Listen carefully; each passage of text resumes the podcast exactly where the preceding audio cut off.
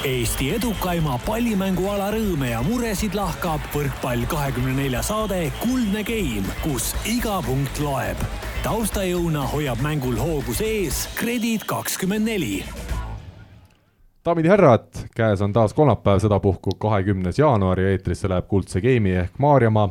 kõige Selveri kesksema võrkpalli taskuhäälingu saate kaheksakümne kaheksas osa. et oleme saanud viimasel ajal osadelt võrkpallisõppedelt kriitilist tagasisidet seoses sellega, et me kiidame karikavõitjaks tulnud Tallinna Selverit liiga palju ja kritiseerime järjepanu null-kolm kaotusi saavaid meeskondi liiga tihti, siis oleme teinud täna oma saates ka radikaalsed muudatused. Eh, nii on mul hea meel öelda Tallinna Selveri suurima fänni, alati plakatite, pasunate ja trummidega nende kodumängudel käiva Rivo Vesiku asemel tere hoopis mehele, kes kannab valget, kui teised kannavad musta, kohta ning vastupidi. ta on kuulsa võrkpalluri Asko Esna vanem vend ja Tallinna Ülikooli võrkpallinaiskonna peatreener, ühtlasi Eesti koondises sada kaksteist mängu mänginud libero Sten Esna, tere Sten ja tore näha! tere, tere! Rene Teppani oleme sarnaselt Rivole üle parda heitnud, sest miks peaks ühes võrkpallisaates ole, osalema inimene, kes on kohalikus liigas mängivatest meestest jõudnud maailma klubivõrkpallis kõige kaugemale ja tunneb maailma võrkpallis toimuvat rohkem ja isiklikumalt kui ükski teine eestlane. ja et topeltvahetus klappima saada, on tänases äh, saates Manta majas istet võtnud üks teine diagonaalründaja, kes on Reneest oluliselt naiselikum ja veetlevam, aga oskab sõnugi ritta seada. stuudios on nimelt Eesti Rahvusnaiskonna ja TalTech Klausi diagonaalründaja Kadi Kullergan, kes ei kanna asjata hüüdnime Killergan, rõõm näha! tere, tere, tänan kutsumast! ja lõpetuseks, et see saade lõplikult Selveri ülistustest puhtaks pesta, oleme otsustanud Tallinna Selveri abitreeneri Andres Toobali asemel kutsuda täna saatesse Eesti Rahvusnaiskonna abitreeneri Andres Toobali. tere, Andres, ja tore, et leidsid aega Andrest asendama tulla. tere, on to tore siia esimest korda tulla, jah ja nagu öeldakse, kapten lahkub uppuvalt laevalt ikka viimasena, nii et äh, minust, head kuulajad, te lahti ei ole saanud, aga nagu ikka, alustame saadet kohe võrkpalliteemadega ja esimene asi, mis mul siin kirja on äh, pandud, on siis see, et kas äh, viimase nädala jooksul olete pigem käinud kelgutamas ja seda meeletut lune, lumesadu nautinud siin Eestimaal või olete elanud kaasa ainsale Tallinnas hetkel lubatud teatrile ehk Poliitteatrile? Andres, ma alustan sinust olen vältinud seda poliitteatrit ja, ja ei ole kelgutamas ka, olen pallisaalis ikkagi olnud. Teil on see võimalus olemas? Äh, Sten, kuidas sinul, pigem poliitika peal või, äh, või kelgutamine, suusatamine? kuule, seda tsirkust on päris palju nähtud, et aga, aga, aga on ka väljast palju oldud, et selles mõttes äh, ma arvan, et see on tasakaalus, nii et kõik tipp-topp. ja Kadi, sama küsimus sulle? mul ka seda teatrit on pigem vähem ja äh, kelgutamas käisin isegi ühe korra äh, laulumäel, lauluväljakul, lauluväljaku mäel äh,. ostsin isegi väikse liumati selle tarbeks. palju see maksab, ma olen ka mõelnud seda. päris kallis oli kusjuures. tõsiselt? jah, mingi kakskümmend viis, see oli kõige väiksem, mis ma leidsin. Noh, kakskümmend viis eurot? Uskumatu, ma olen kuulnud, et poodides on saanud otsa kõik kelgud, sest no, inimesed just. on avastanud, et on äh, lumi saabunud. no nüüd on rohkem põhjust kelgutama minna veel. aga veel kelgutamise juurde me lühidalt tuleme, aga enne ma küsin äh,, kas me ennustame, millise ministri koha võtab Hanno Pevkur uues koalitsioonis äh, ja uues valitsuses sisse äh,. mulle tundub, et võiks teha sinna Kultuuriministeeriumisse sellise portfellita ministri, võrkpalliminister. siis on kohe, kohe, mis Hanno ütleb, läheb käiku on vaja lisaraha näiteks Eesti võrkpallile, kohe see tuleks nagu Eesti Võrkpalliliidu arvele. no kui niisugune asi tehakse, siis ju miks mitte, aga eks te siin ise vist juba mingeid kommentaare siseministri koha peale siin vist lootused, ootused äkki on? no eks selle ministri kohaga, ma arvan, saab ka nii mõndagi Eesti võrkpalli heaks teha. tahaks loota, jah. Sten, mis sina arvad? no Kas... ütleme, et kultuuri- või spordiminister oleks ju vinge, et uh, oma mees pukis, et uh,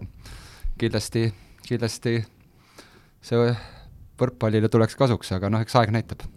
aga äh, ausalt öeldes hakkas juba ununema, milline see tõeline mõnus talv siis meil on ja seda mõnusat talve on nüüd viimasel ajal näha olnud ja ja päris tore on käia matkamas kuskil Eesti matkaradadel ja ma ütlen, et see on nagu omal ajal oli kuldaegadel õllesummer, et ainult inimesed nüüd siis ei seisa enam õlle, õllesabas, vaid seisavad seal äh, kuskil vaateplatvormi sabas. vanaks jäänud, ma arvan, et kui sa oleks olnud siin, ma ei tea, viis, kuus, seitse aastat tagasi, ma arvan, et sa nii väga mingi matkaja ei olnud või olid siis juba äh,? ilmselt ei olnud jah et siis ei käinud ringi ja vaadanud, võib-olla pigem olid ikka selle meeleoluga, et on nädalavahetus. Mitte see, mis ilm on. ai, ei, ma tegelikult sihuke hull pidutseja ei ole kunagi olnud mul on tasakaalused asjad olnud. aga,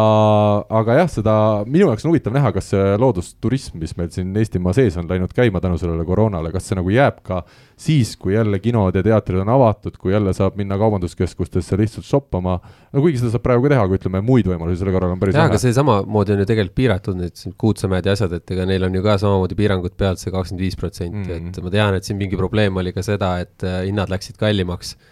aga siin üks äh, hea sõber, vana võrkpallur äh, Jaan Jaakomägi ka kommenteeris seda, et noh, et see on see täpselt seesama koht, kus, kus me peame tegelikult toetama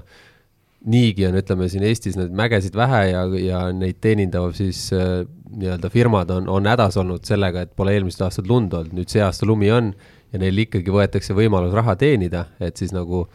vähegi kõik suusasõbrad, et kes lähevad, et siis ärge nagu heitke meelt, et see on vähemalt mingigi võimalus teil, et, et selles mõttes ma arvan väga, väga, väga hea, et selline võimalus üldse on aga vahetame teemat, pikaaegsel Eesti koondislasel Jaanus Nõmsalul oli siis eile ehk teisipäeval, mil me tegelikult ka seda saadet lindistame, suur tähtpäev, nimelt täitus Jaanusel nelikümmend aastat sünnist ja loomulikult eh, jätame võimalust kasutamata ja õnnitleme siinkohal eh, Jaanust ja küsin kohe, Andres, Sten ja Kadi, millised on teie mälestused seoses legendaarse võrkpalluriga, kes on klubivõrkpalli mänginud vaata et kõigis maailma riikides? Sten, sina Stenil vast on igast sina oled äh, samast linnast Pärnust äh, pärit, ma olen kuulnud, nagu Jaanus. kuule jah, et ma arvan, et äh, seesama saate ajalugu on siin mõnedest lugudest, lugudest rääkinud ka, mis äh, Jaanusega on äh, korda saatnud, et noh, paljud on sellised, mida siin rääkida ei, ei, ei kõlba, aga aga, aga ma arvan, et Jaanus äh, minu jaoks kindlasti on äh, sõber suure algustähega, et äh, eile sai teda ka õnnitletud ja maast ja ilmast räägitud selles vaates, et äh, kihvt, kihvt vana, et ja ta mitu korda mul Pärnus isal äh, saunas äh, sauna ar- ahju ära lõhkunud, nii et see vajab korda tegemist, nii et kuidas see võimalik on, kuidas Jaanus lõhub sauna no kui ahju sa? Jaanust oled näinud, siis ta lihtsalt ongi nii suur ja tugev, et või on minu saun liiga oma väike. sääre, sääremarjaga läks pihta või? aga Andres, sinu mälestused Jaanusest? ja eks koondise aeg ka veel on mingeid asju võib-olla, mis, mis võib-olla eetrit ei kannata, aga, või ei ole mõtet rääkida, aga aga sellesama reisiga nüüd mul nüüd kaks meest tulevad järjest, kaks järjest saadet. seesama reis, kui me siin eelmises saates rääkisin, kuidas Argo Meresaar, Meresaar mind siis nii-öelda endale tutvustas ja spordikoti palus kaasa võtta jah,. seesama, ma mäletan, seesama reis äh, oli niimoodi, et äh, Gert ja keegi veel, osad mehed läksid sealt hoopis Rakverest mingite autodega, läksid Tallinna poole. ja, ja nad läksid minema ja mind siis jäeti siis äh, äh, nii-öelda Jaanuse siis, Jaanuse siis äh, valvata, et kuni siis äh, tagasi Türile. ja, ja söömi, sööma mindi peale mängu Vinni mingisse sööklasse või mingi sihuke seal spordi, ma ei tea, on seal spordibaas või mingi asi seal all oli. Ja ma mäletan, et äh, siis äh, Jaanus võttis kohe mind kukile ja, ja viis mind ja seesama kord ma mäletan, sihuke porin oli ka. mul ei tulnud eelmine kord meelde. Rivo, Rivo läks kuskilt siuksest mingist kallakust alla ja käis selil niimoodi, et ta oli üleni porin, et et ei, nende meestega on minul, kui ma olin nii, nii väike ka veel, et siis mul on niisugused ägedad mälestused, sest mina ju kui niisuguste suurte, suurte juba noh, minu jaoks mehed on ju, kuigi nad ju olid suhteliselt poisikesed alles, et äh, ei, Jaanusega on igast ägedaid asju olnud jah. Kadi, kas sind on ka Jaanus võtnud kukile? mind kukile ei ole võtnud, mul on natuke professionaalsemad suhted olnud temaga. nii, et äh, ei, ega ma jah, väga palju ei olegi suhelnud, olen, olen Pärnu rannas äh, Rannavalle festivali korraldanud seal temaga koos ja siis praegu samamoodi pigem niisugune professionaalne koostöö. selge, aga tänases saates on meil plaanis keskenduda reedel Tallinna Tehnikaülikooli spordihoones toimuvale naiste karikafinaalile, võtta selle raames kõne finaalis mängivate naiskondade peatreeneritele, aga rääkida siis ka ühest Tallinna võrkpalliklubist, kes kaotas nädalavahetusel Tartu Bigbankile ja lisaks on meil siis plaanis ka vaadata, mis piiri taga möödunud nädalal toimunud on, nii et head kuulajad, hakkame pihta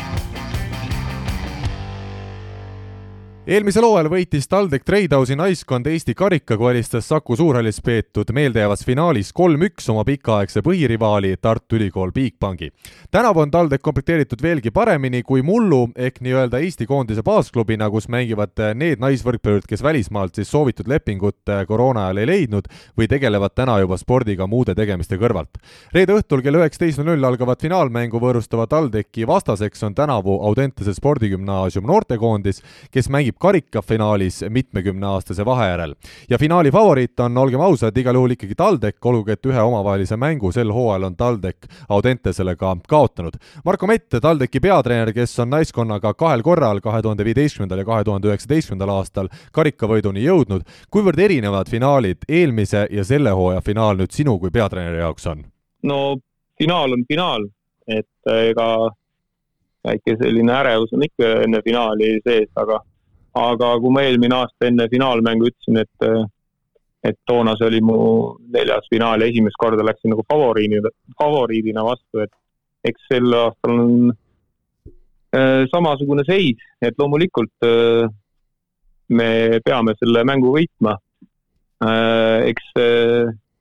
et me oleme Audentesega ühe korra sel hooajal mänginud ja selle mängu kaotanud, see kindlasti lisab sellele finaalile nagu sellist pürtsi juurde. kas see on kuidagi mõjutanud ka naiskonda, et karikafinaal lükati seoses Audentese naiskonnaliikmete koroonaviirusesse nakatamise tõttu kuu aega edasi, detsembri lõpust siis jaanuari lõppu või sel mingit suurt vahet sinu hinnangul ei ole? no nagu ütles ka meie koondise äh, uus abitreener, et äh, eks äh, naised on nagu kuidagi saanud nagu tugevamaks sellest, et eh, eks neid eh, tagasilööke, alustades Soome liigast ja Balti liigast ja, ja valikturniiri ärajäämisest ja karikafinaali eest, ehk siis neid tagasilööke on tulnud eh, sel hooajal juba nii palju igasuguste mängude ärajäämise näol, et eks ta kindlasti natuke mõjutab, samas eks inimene kohaneb kõigega, et noh, täpselt kuu aega hiljem nüüd öö, oleme, ma arvan, sellises seisus, et ikkagi oleme nii hästi valmis, nagu me siin reedel kell seitse Kanal kaheteistkümnes näha on kõigi jaoks millises seisus täna siis TalTechi naiskond on, kas kõik on terved ja, ja kas te olete kuidagi eriliselt ajastanud ka vormi selleks kullamänguks või minnakse sellise tavapärase treeningrütmi pealt? ma arvan küll, et oleme ikka natuke ajastanud, et jõusaali plaanid on, äh, proovisime sättida samamoodi, nagu me siin enne seda kahekümne teist detsembrit äh, äh, siin neid plaane sättisime ja no ei seis, ma arvan, et on täiesti okei okay., meil ei ole nagu keegi vigastusega otseselt väljas. et ja on siin olnud mõned hüppeliigese väänamised, aga, aga võib öelda jah, et kolmteist mängijat kõik on äh, tänaseks, noh, meil on olnud ka siin äh, kaks sellist äh, juhtumit, et on kaks mängijat pidanud olema eneseisolatsioonis, aga mõlemad on oma kümme päeva ära istunud, teinud testi, mis on olnud negatiivne ja on tagasi, et, et et selles mõttes teisipäeva pärastlõunase seisuga on kõik kolmteist mängijat valmis ja, ja valmis mängima ole hea, anna meile väike ülevaade ka sellest, kui tõsiselt nüüd TalTechi naiskond viimastel kuudel on äh, treeninud, Audentese tüdrukud siis äh, käivad koolis ja, ja treenivad äh, tihti ka kaks korda päevas, kas teie treenite sama palju ja kui palju on nüüd täna TalTechi naiskonnas neid mängijaid, kes siis saavad ka kõikides treenides alati kaasa lüüa? ma ütleks, et me oleme treenida saanud korralikult, lihtsalt mängupraktikat ei ole olnud viimasel ajal eriti palju, et saime ühe mängu Tartuga mängida möödunud laupäeval, aga aga treenida siin need mänguvabad nädalavahetused, et siin oleme teinud sellise rütmiga, et ikkagi viis palli, kolm jõudu. kui meil on noh, see käesolev nädal, kui meil on mäng, et siis on, on kaks jõudu ja kolm palli, et äh, siin jõuluperioodil ja meil oli ikkagi hommikul ka siin kaheksa, kaheksa preilit hommikuses trennis, et et ega need üliõpilased, noormängijad, kellel on siin sessiooniperiood ja ma, ma võiks, noh, ma olen jah, kuuendat aastat siin TalTechis ja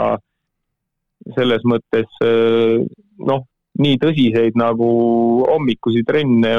ma ei mäleta selle aja jooksul, et kindlasti oleme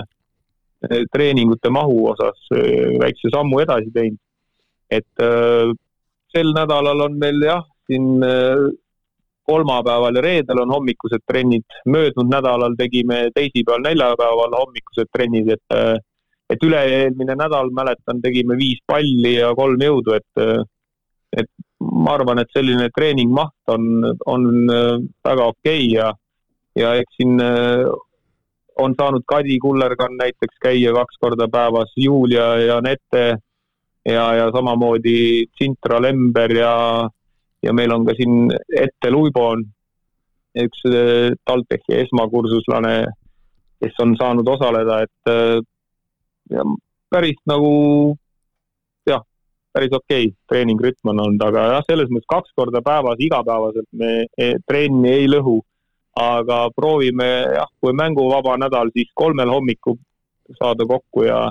ja, ja, ja kui nädala lõpus mäng on, siis on kahel päeval kaks korda päevas ja noh, iga õhtu.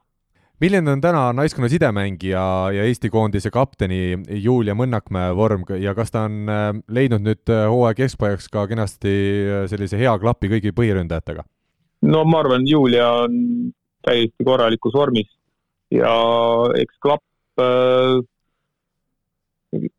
ma arvan, et on okei okay mängijatega, et eh, ei tea, ei ole küll aru saanud, et keegi nüüd kellelegi millegipärast Julia tõstes ei sobi, et ma arvan, et eh, et Julia on, on täiesti normaalses vormis ja noh, olgem ausad, ega siis selle võistkonna põhieesmärk jah, on, ongi hoida koondislased töös ja noh, sama jutt, mis ma rääkisin ka möödunud hooajal, et eh, et ega siis kõige suurem eesmärk on, äh, on treenida ja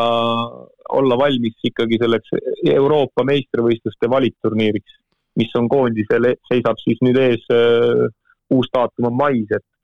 et uh, ei ole, ei näe nagu põhjust nuriseda. Füüsiliselt kindlasti väga okei okay konditsioon ja,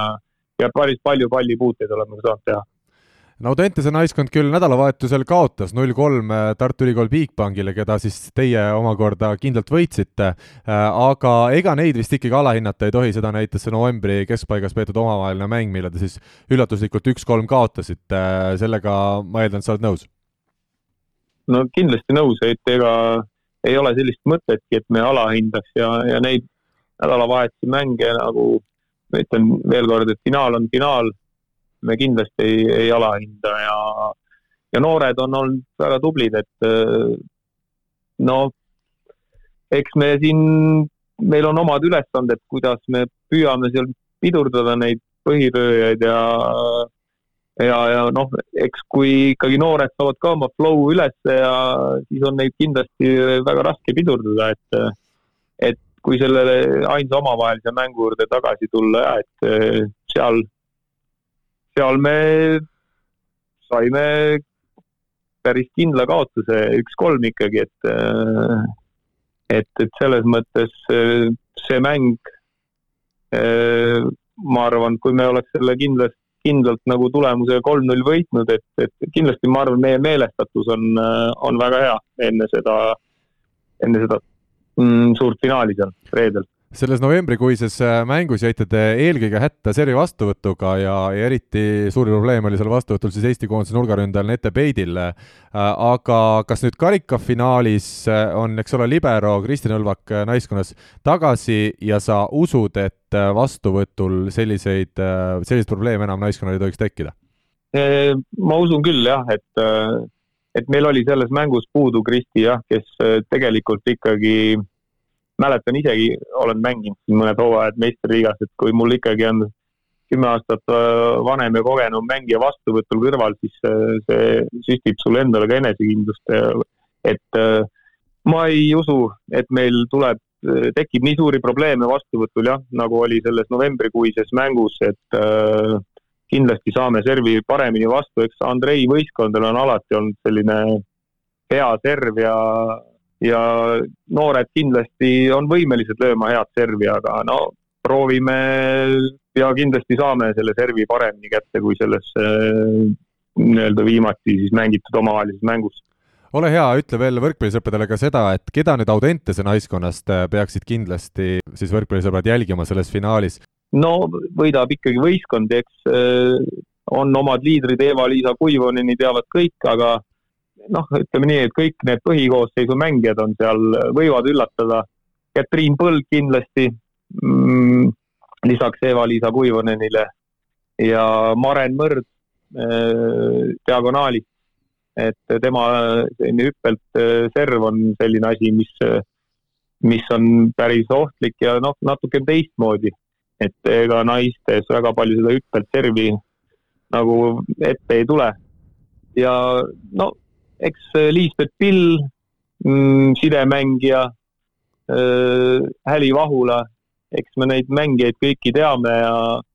ja, ja selles mõttes äh, üllatada võivad kõik, et kindlasti Eva-Liisa Kuivanen on nagu selline põhiline ründejõud, aga ka Eli, Elina Lebedeva nurgast teine nurk, et, et no selles mõttes kindlasti Kuivonen on jah, see, kes siin kõige rohkem punkte toob, aga, aga no võimelised nagu hästi mängima on nad kõik. ja päris lõpetuseks, Audentese naiskonna peatreener Andrei Ojamets pole sinu jaoks ju sugugi tundmatu mees. Äh, sina olid Andrei kõrval abitreener, kui Eesti koondis jõudis kahe tuhande üheksateistkümnendal aastal esmakordselt EM-finaalturniirile. kas te olete nüüd Andreiga enne finaali suhelnud ka või jäävad pikemad vestlused äh, sellesse aega, kui karikafinaal on juba ära mängitud? Äh, Andreiga ei ole suhelnud ikka, aga, aga mitte just ülemäära palju, et eks me ikka vahepeal räägime, aga noh, kui me selle omavahelise mängu ära mängime, eks me siis saame võib-olla natuke rohkem äh,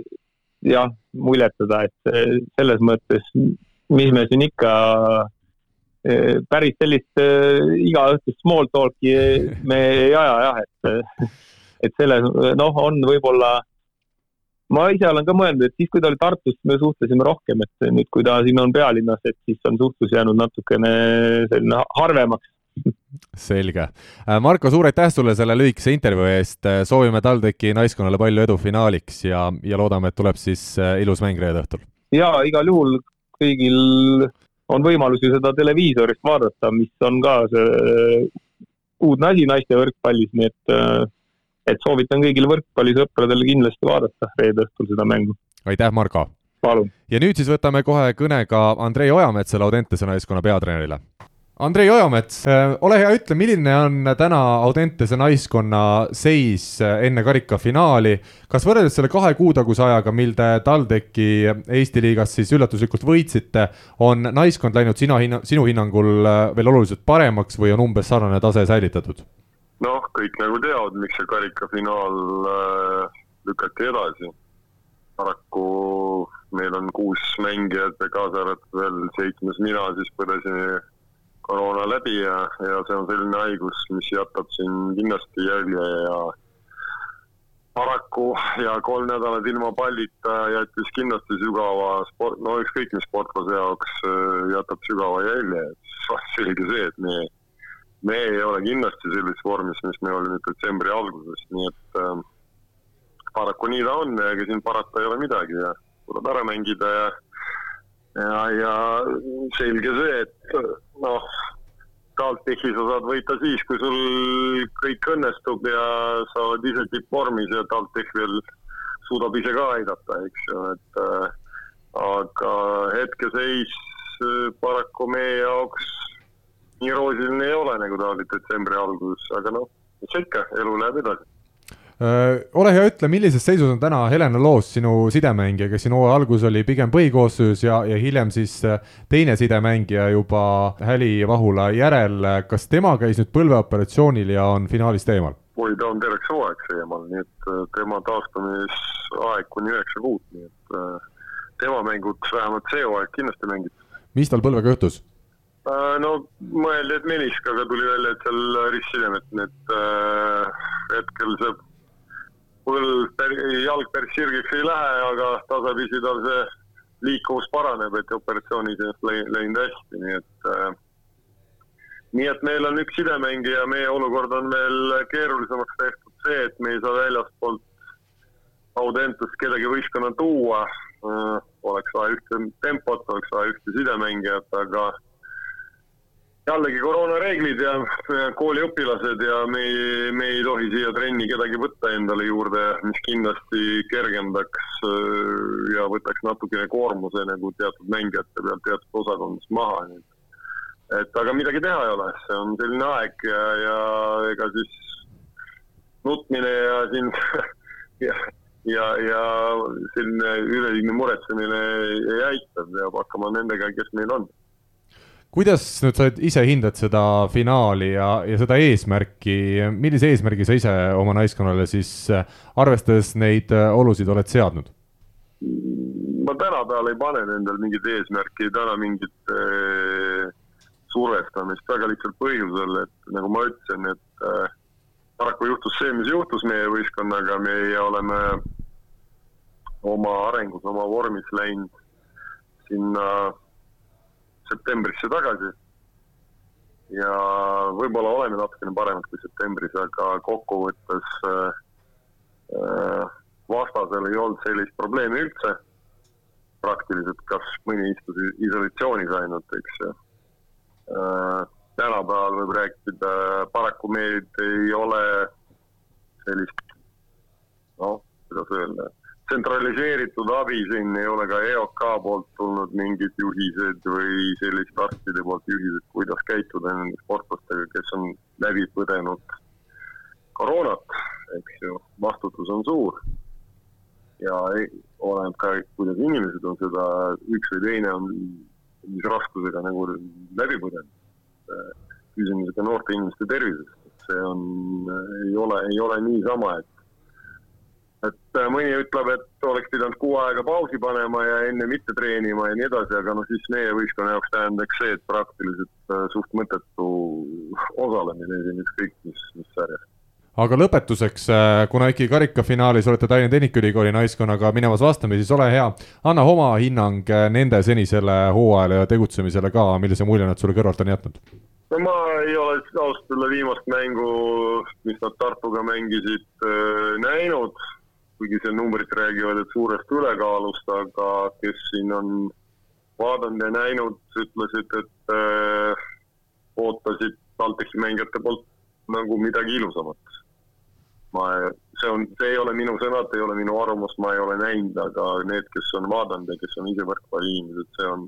kommenteerinud mulle niimoodi seda, et vot, aga selge see, et no mängijate valiku poole pealt ja, ja Äh, treeninguse poole pealt ja selle poole pealt, ähm, mis või, mis selle võistkonna võimalused on teenindamise poole peal ja nii edasi. no nendega siin Eestis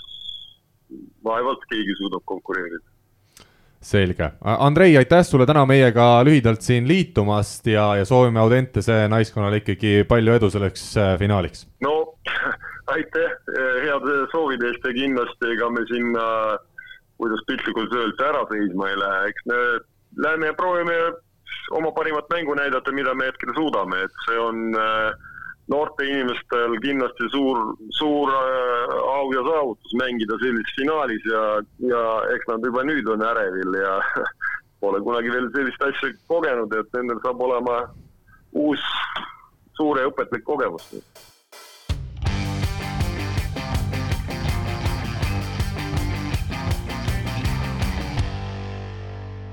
tuleme meiegi siis oma stuudiovestlusest siin neljateistkümnendal novembril peetud mängu juurde. Ja meenutame siis Audentese põhitegijad on äh, tänasel päeval meil vanuses kuusteist kuni kaheksateist aastat. Ja tolles kohtumises, kus TalTechi võideti, tõi Eva-Liisa Kuivanen kakskümmend punkti pluss kolmteist, Maren Mõrt lisas seitseteist punkti ja Liisbeth Pill üksteist punkti. Äh, ja TalTechi siis suuremad punktitoojad on olnud tänavusel hooajal reeglina, kui kõik on kohal Kadi Kullergann, kes meil on täna ka siin olemas ja Nete Peit, kes ka muide selles mängus olid siis äh, TalTechi resultatiivsemad äh,. mis nüüd äh,, Kadi, sinu hinnangul, kes sa mängus ise kaasa lõid oli see põhjus peale Nete siis äh, servi vastuvõttu, mis äh, teile selle kaotuse tõi, seal ma eeldan, et ainult ühes asjas ka ei saanud nagu kõik kinni olla. oli see lihtsalt halb päev? jah, võib võtta küll kokku nii, et äh, natuke logises siit ja sealt ja äh, ei olnud sellist äh, no terve tiim tundus kuidagi rabe, et seal ei olnudki, ei saagi näpuga näidata ühe või teise asja pihta, et äh, ei olnud seal treeneri süü, ei olnud ühe mängija süü, et äh,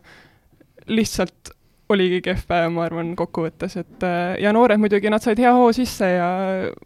seal on väga niisugused valjud ja emotsionaalsed, nagu ikka noored tihtipeale on, et nemad läksid suht pidurdamatuks ja meie ise ei saanud oma mängu käima, et sealt see läks, ma arvan Sten, mis sina ütled, äh, sa oled nüüd ise ühe teise võistkonna, siis Tallinna Ülikooli peatreener, kui sa kõrvalt sellist tulemust kuulsid, kas äh, suu jäi pikemaks ajaks lahti või, või selliseid asju ikka juhtub ja, ja sina juba treenerina oled harjunud, et need võivad ette tulla? noh, sport ongi ju huvitav, kui sellised asjad juhtuvad, et kui paberi järgi võite välja jagatakse, siis, äh, siis oleks ju igav, et, et et terve hooaeg, see on ju, noored arenevad, see on pikk protsess, et, et ja noh, see see, ma arvan, et seesamune tulemus näitabki seda, et et ega neid noori ei saa alahinnata ja võib-olla ongi nagu nagu Kadi ütleski, et ega ei saa öelda, et see on treeneri viga või mängijate viga, et eks see on selline, selline kombo kokku, et võtad natuke lihtsamalt,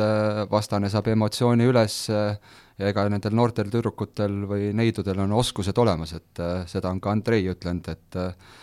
ja, ja kui asjad õnnestuvad, äh, saavad enesekindlust juurde, teistel jälle ei tule nii hästi ja, ja selline see võrkpall ongi, et aga see on see võrkpalli võlu ja valu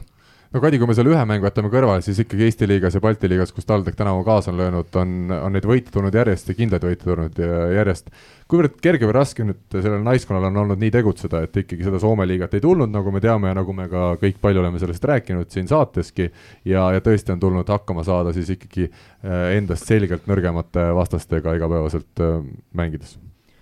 äh, eks see suht keeruline on selles suhtes just, et väga palju asju on muutunud, mis olid plaanipärased alguses. motivatsioon on tüdrukutel vist kolm korda hooaja jooksul nagu täiesti põhja läinud, kui tuleb jälle mingisugune uudis, et oli plaan teha seda, aga näed, jääb ära, oli plaan teha nii, aga jälle ei saa.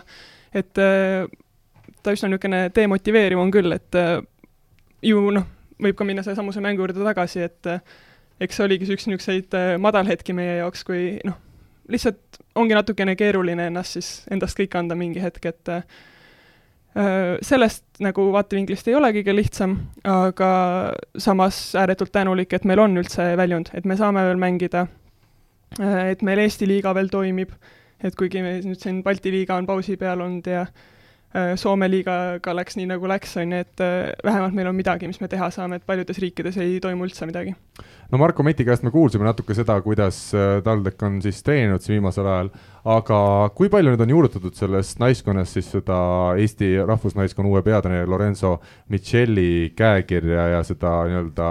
taktikalist poolt, mida, mida tema teile suvel õpetas, kas see on nüüd läinud Meti käe all edasi, seda on üritatud õppida või kuidas sellega lood on? Ütlen ausalt, ma arvan, et äh, sellega saaks sammu kaugemale minna, aga et äh, noh,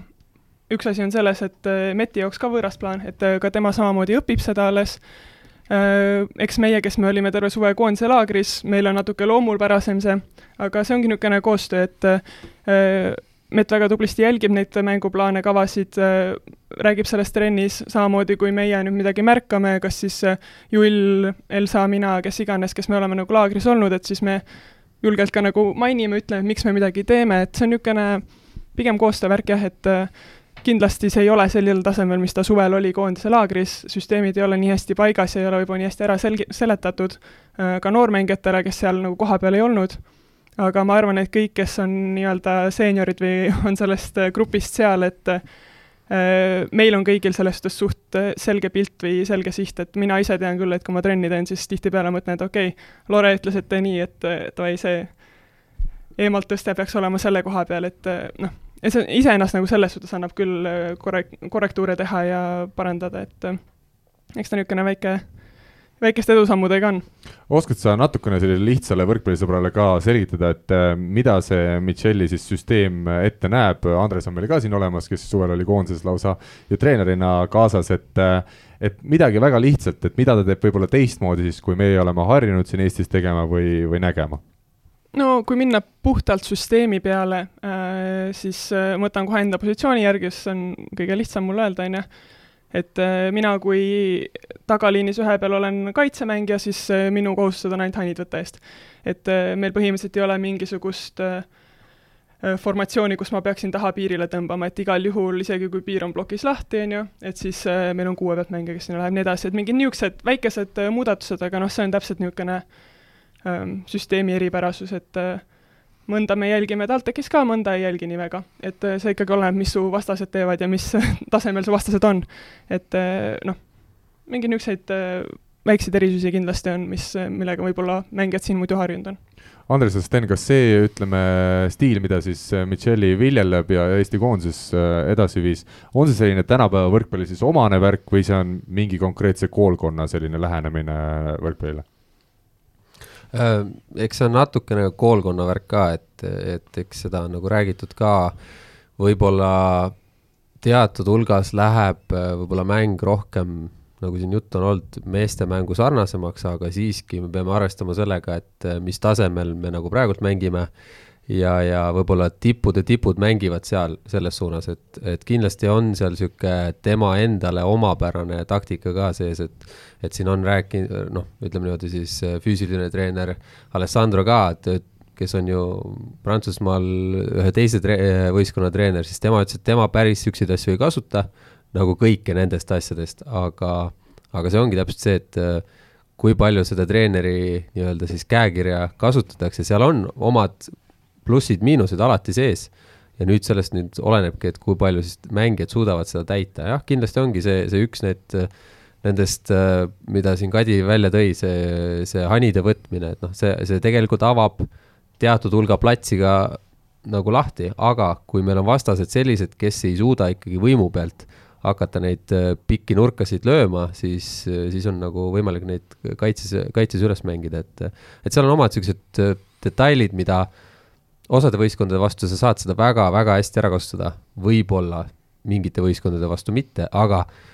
see on ka selge, et, et need plaanid on praegu tehtud kindlate, kindlate võistkondade vastu nii, Sten, meil on nüüd teada finaalis see, et Kadi läheb ükskõik, kas on piir kinni või piir lahti, hanisid korjama. kuhu nüüd sina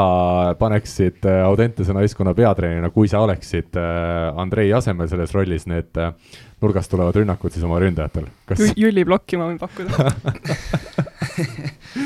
ei no ma äh, siin lisan seda poolt, et eks ta äh, sõltub ka sellest, et mis mängijad sul on ja Andres seda ka mainis, et, et äh, sa pead,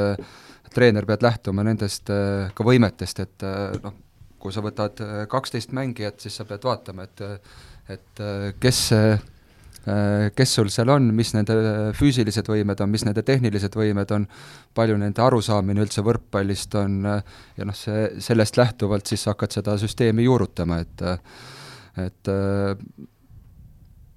noh, iga, minu meelest see, see ongi asja nagu kihvt pool, et treeneritel on erinevad nägemused, et kas see on nüüd ainuõige või või on midagi muuta, siis äh, noh, no ütleme, et see, mis siin räägiti, ei ole üllatus ju, et, et niimoodi me mängime, et et aga noh, see peabki vaatama, et kes sul on plokis, kelle vastu sa ründad ja nii edasi, et sellised nüansid, mille osas sa pead ikkagi muudatusi tegema, et, et nüüd võtta, et nüüd me lähme niimoodi mängima, siis see alati ei pruugi toimida. no ma toon praegu siin hea näitegi, mis, mis me suvel mängisime Soome vastu, kes ju tegelikult absoluutselt sellesse stiili, neil on hästi-hästi mhm. kiired pallid, niisugused väga niisugust teistmoodi, aga noh, lõppkokkuvõttes ongi see, et seal peadki leidma oma võistkonna, nemad nagu üks päev läksid väga selgelt rappa sellega, et et see mäng läks neile nagu, see kiirused ja kõik see läks nagu üle jõu, et nad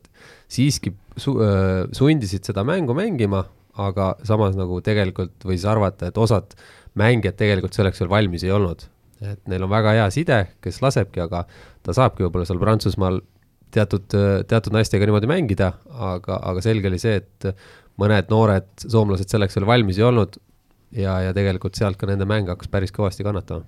Võtame nüüd siis ette ka mõlema naiskonna eeldatavad põhikoosseisud, oled olen siin need kirja pannud ja kui nüüd üllatusi ei juhtu, siis TalTech peaks minema väljakule reede õhtul järgnevas rivistuses sidemängija Julia Mõnnakmäe, nurgaründajad Nete Peit ja Merilin Paalo, diagonaalründaja Kadi Kullergann, temporündajad Mari Loormann ja Elisa Peit ning libero Kristi Nõlvak, Eesti võrkpallisõppedele kõigile hästi tuttavad nimed, ja Eliise Hollas, kes siis on mänginud ka TalTechi eest neid Balti liiga mänge, on meil Eesti liigas ja karikasarjas üles antud Võru naiskonnal, nii et teda me karikafinaalis väljakul ei näe. Äh,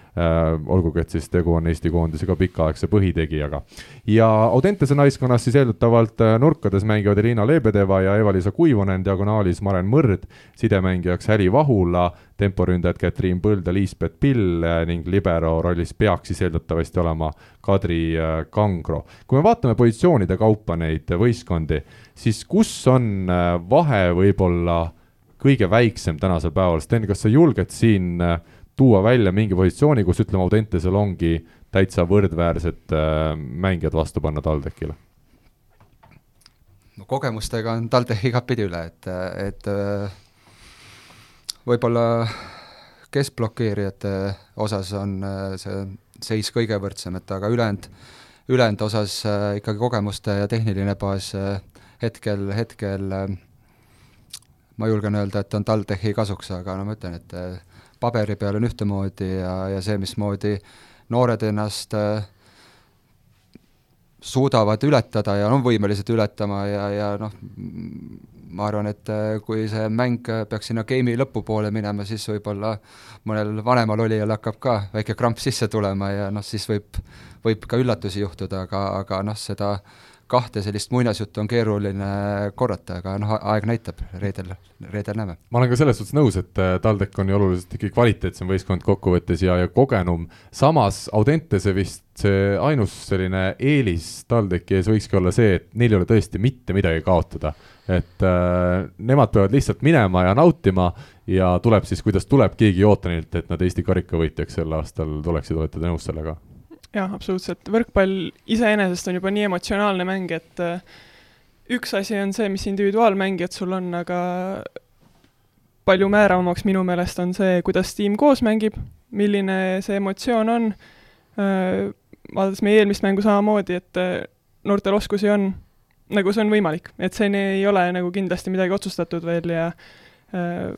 elame-näeme, aga muidugi loodaks, et ikkagi läheb ootuspärasemalt see. kas Andrei Ojamets on võimeline sellises mängus ka mingi jänese kuskilt kübarast välja tõmbama või, või siin on ikkagi nii selged äh, koosseisud ja, ja kõik on umbes teada, et, et siin mingit väga suurt üllatust ei ole võimalik teha? ma ei tea, kui palju ta motiveerib, et äh, ma midagi tean, et ta siin vahepeal olid mingi jäätised õhus, et, äh, et keegi kui palju blokke paneb, et ma ei tea, mis ta nüüd siis vahele suudab panna, et et, et need noored tüdrukud seal väga kõvasti hambaid näitaksid, et um, jah, ma tegelikult Steniga ka selles mõttes arvan, et see tempoosakond on niisugune, kes võib-olla on juba praegu nagu suhteliselt võrdne ja võib-olla on äh, jah, ma arvan, äh, võimelised võib-olla enda mängu kõige lihtsamini ära tegema, et, et teistel noortel on vaja võib-olla väikest äh, õnne ja, ja õnnestumist rohkem, et, et sinna, sinnamaani saada, et äh, eks see kindlasti hakkab, väga palju sõltub sellest, et äh, palju TalTech ise hakkab oma vigu tegema, et äh, sellistel momentidel, kui, kui võib ärevaks minna. et kui palju seda kannatust on, et me laseme nendel noortel nii-öelda sabas püsida, et kas see, kas seda kannatust jätkub või või nagu see mäng, mis, mis Audentes võitis, et ega puhtalt selle peale oligi, et et, äh, et Audentes kannatas ilusti seal järgi ja, ja mingi hetk äh, TalTechi niisugused kogenumad ka ei suutnud sellele siis äh, kehva päev ja, ja vastaspõistkonnas ikkagi väga emotsionaalselt, et ise nägin seda mängu, aga siis, siis hakkavad, kipuvad need vead tekkima ja ja, ja sinna tegelikult see mäng läks ka, et äh, ei, ei väga rasketest positsioonidest taheti individuaalselt punkt ära võtta, mitte enam ei mängitud äh, võistkonnana ja, ja sealt hakkab, kui see, see asi laguneb, siis on mängu tagasi tulla ikkagi väga raske. Kadi, eelmisel aastal mängisite karikafinaali siis oma vana konkurendi Tartu Ülikool Bigbankiga, Saku Suures see mäng peeti, põnevust oli omajagu, kolm-üks selle võitsite, publik oli saalis, atmosfäär oli hea, kas nüüd sinul, kes sa oled ikkagi mänginud ka välismaal erinevates kohtades ja, ja oluliselt kõrgemal tasemel, päris ausalt on ikkagi selline mänguärevus siin kaks-kolm päeva enne seda, seda finaali sees või tegelikult sa võtad seda suhteliselt rahulikult, kogu seda asja? ütlen ausalt, väga ei ole võib-olla noh, just niimoodi enne mängu soojendus, no väike ärevus oli sees nüüd äh, enne ka viimast mängu Tartu vastu, siis niisugune paus on sees olnud. et pole pikalt mänginud, jalutasid saali, siis nagu saali jalutada juba oli imelik. et äh, siis ma arvan, et jah, rohkem määravad need, kui see nagu päriselt, mis kaaluga see mäng on, aga eks me näeme, mis tunne mul reedel on. aga pigem on niisugune põnevus, sest et äh, nii on palju lõbusam mängida, kui midagi on nagu kaalul ka ja äh, ja just see, et sellistel mängudel tihti suudavad ka vastaseid üllatada. ja noh, oma mäng ka, see näitab nagu, mis su sisu, sisu siis päriselt on, et kas laguned ära või ei lagune, et hea tagasivaade ka eelmise aasta Balti liiga finaalile, on ju, mille me siis kahjuks kaotasime, samamoodi olime e eelisseisus ja oleks samamoodi võinud ära võtta, et äh, aga see teebki selle põnevaks, et äh, ma hea meelega mängin selliseid ärevamaid mänge. Kadi, kuna sa meil stuudios oled, siis on huvitav ikkagi küsida, millises seisus sa täna ise oled, ma tean, et sa ei ole terve hooaja nüüd kogu aeg äh, saanud trenni teistega kaasa teha, aga, aga viimasel ajal oled jälle rohkem ka treeningutest osa võtnud. jah, seis on hea, ma ütleks, et füüsis on hea, jõusaali trenni oleme päris korralikult teinud nüüd, kui siin vahepeal arvasime ka, et pikem mängupaus jääb noh, tervis on ka hea, ei saa, jah, nagu selles ma ei, ei, ei kurdaks praegu, et peaks üsna okei okay olema. et päris oma tippaegadega ilmselt ei võrdle, on ju, aga aga hooaja võttes äh, ei, ei kurda, jah. ja sina siis kuulud nende mängijate hulka, kes, eks ole, igapäevaselt käivad äh, ka, ka põhitööl? just, et äh, selle tõttu siis vahest äh, trenni nagu ei jõuagi, aga mis seal ikka, siis teen omaette, et äh, kindlasti, millest ma üritan mitte ilma jääda, on, mis ma leian enda jaoks väga olulised, on jõusaalitreeningud, et äh, vigastuste põhi on all ka, et siis just see, et seda hoida, et siis, kui ma isegi tiimiga ei jõua, et siis ma alati käin omaette ära, vahel seda lisaks, et ja noh, nii, nii palju kui võimalik ikka käin pallitrennis ka ja kui on mõni hommik vaba, siis lähen hommikusse ja nii edasi, aga et eks oma piirangud sätib tööelu, jah ja ütlen ka kuulajatele, et kuna sa siis töötad igapäevaselt ikkagi Teras Beachil, siis minu arust, kui sa kas või oled seal tööl ja pead minema mingitele harrastajatele seda võrgu kõrgust muutma, siis juba seal sinna sügavasse liiva minemine võrguni ja tagasi tulemine sinna baarilati äärde, see on juba selline trenn, et äh, hoia ja keela. Ei, absoluutselt. Ja äge, äge asi selle töö juures ongi see, et kui ma juhtun siis vahetuses olema, et vahest on ka mänguabi vaja. Ja vahest siis äh, lõunapausiks teed seal väikese rannatennise või midagi, et Äh, selles suhtes puudust ei jää, et äh, liikumist kindlasti on. Üks küsimus, mida ma nüüd tahaksin Stenilt ja Andreselt küsida, me oleme kiitnud või noh, ütleme siis mina ka portaali kaudu olen kiitnud äh, Andrei Ojametsa, mis tööd ta on teinud sel hooajal siis seni Audentese naiskonnaga. Ähm, ja on räägitud siin ikkagi ka sellest, et äh, Peeter Vahtra oligi jäänud võib-olla liiga pikaks ajaks Audentese tütarlaste siis treeneriks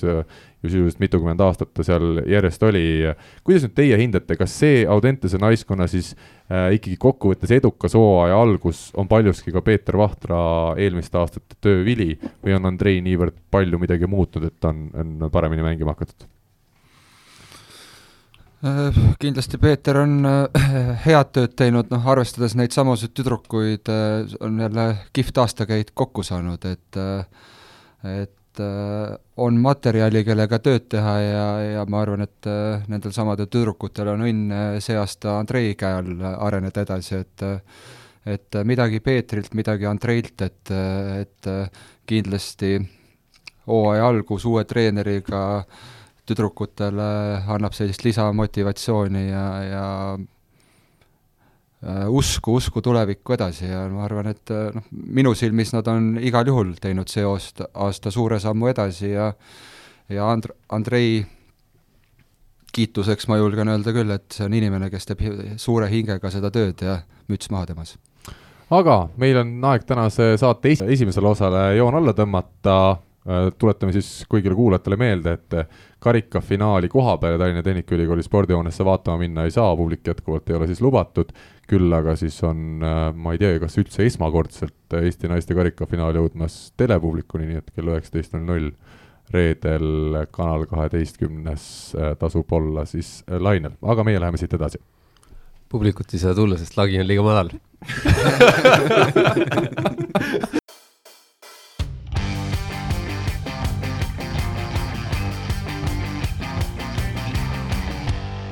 Grade24 meistriliigas on nüüdsest siis põhiturniiri võidu nimel jäänud võitlema sisuliselt veel vaid Saaremaa, kes on kahe, kakskümmend üheksa punkti kogunud äh, ja neil on siis hetkel käimas selline mängupaus, et juba mõõda või kalendriga, kas teie Andres ja Sten üldse mäletate, millal äh, Saaremaa üldse viimati väljakul käis ja millised mehed seal mängivad? no Pärnu vastu neil mäng oli enne jõule, aga jah, eks neil on pikk paus, aga samas on teada ka, et et äh, üks sidemängijatest on ju koondise juures ja, ja eks neil on natukene võib-olla keerulisem see, et, et siin alguses tõenäoliselt saab oodata ka võib-olla siis ütleme, poolakast side, sidemängija sellist võib-olla vähe enesekindlamat esitlust ka, et kuna ta saan-, on nüüd saanud pikemalt äh,, pikemalt siis äh, võib-olla kogu võistkonnaga rohkem mängida. jah, Aleksander Tuš siis Austria koondist EM-valikmängudes esindas ja Austria EM-finaalturniirile väga suure tõenäosusega ei pääse, kuigi lõpetas oma alagrupi siis äh, teisel kohal. aga äh, räägime siis Balti liigast edasi ja teine meeskond, kes Saaremaa kõrval on veel põhiturniiri võidu eest heitlemas, on äh, saarlastest kolm punkti vähem kogunud Tartu Bigbank, neil siis kakskümmend kuus punkti ja mõlemal võistkonnal jäänud nüüd siis pidada põhiturniiril kaks mängu eeldusel, et Jelgavat ja Daugavpilsi uuesti kampa ei võeta. natukene segaseid sõnumeid on nüüd Lätimaalt tulnud, kas võib-olla ikkagi on võimalus, et nad, äh, need põhiturniiri mängud mängivad ka lõpuni, Andres, ma ei tea, kas sul on infot rohkem? ei, infot ei ole, et praegult on siiani see, see olnud niisugune küsimärk äh,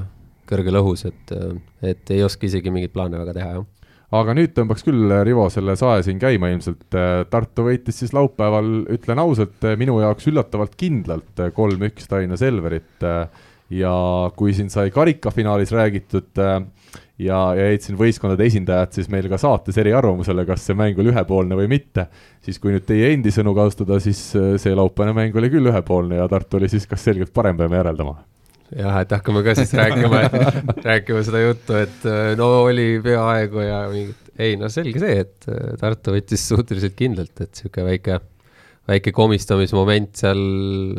jah, me tegelikult alustasime juba nii kehvasti, et ega sealt juba oli näha, et väga, väga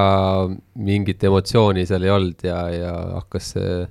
hakkas minema sinnapoole, et korraks, korraks võtsime justkui kokku ja suutsime neid suruda, siis oli näha, et nad on ka ikkagi võimelised mitte eriti hästi mängima, aga aga üldkokkuvõttes ütleme nii, et saime kõva õppematerjali, nagu Rainer ütles, et kõva õppematerjali, mida mida mitte teha ja, ja kust, kust nagu me saame siis kõvasti paremaks minna, et ega muud ei olnudki, et äh, midagi, midagi müstilist Tartu ei teinud, aga tegi lihtsalt nii palju paremini ja, ja oli kõik. võrreldes nädal varem peetud kohtumisega, kus te siis Pärnut kindlalt võitsite, oli tagasi algkoosseisus Andrus Raadik, oli tagasi Mark Saru, ometi jäi see võit tulemata, kas siis siin juba õrnalt mainisid, et kuidagi natukene oli meestel motivatsiooni leidmisega probleeme või, või millest ei teagi, kas just motivatsiooniga, seda ma ei nüüd ei ütle, kuidagi jah, see algus oli juba niisugune soojendusel oli natuke tunda, et et seda niisugust, niisugust särtsu energiat oli, oli väga vähe ja väga vaiksed olime kuidagi, et ähm, et see andis juba nagu niisuguse kohe sellise, sellise fooni, et et nagu päris ei oldud valmis võitlusesse minema, et et selge oli see, et Tartu oli palju, palju agressiivsem kohe ja, ja ja jah, ma ei oskagi öelda, võib-olla ka füüsiliselt äh, võib-olla oleme natukene raskemas äh, positsioonis, aga noh, kes kes ei oleks, et kõik ju on teada, et äh, et, et jõulude aeg seda rohkem seda jõusaali tehti, kas me nüüd ei tule nii hästi välja, see on nüüd omaette teema, et eks, eks meil on nüüd siin Raineriga ka natukene peamurdmist, et kuidas, kuidas sellest, sellisest füüsilisest väsimust nüüd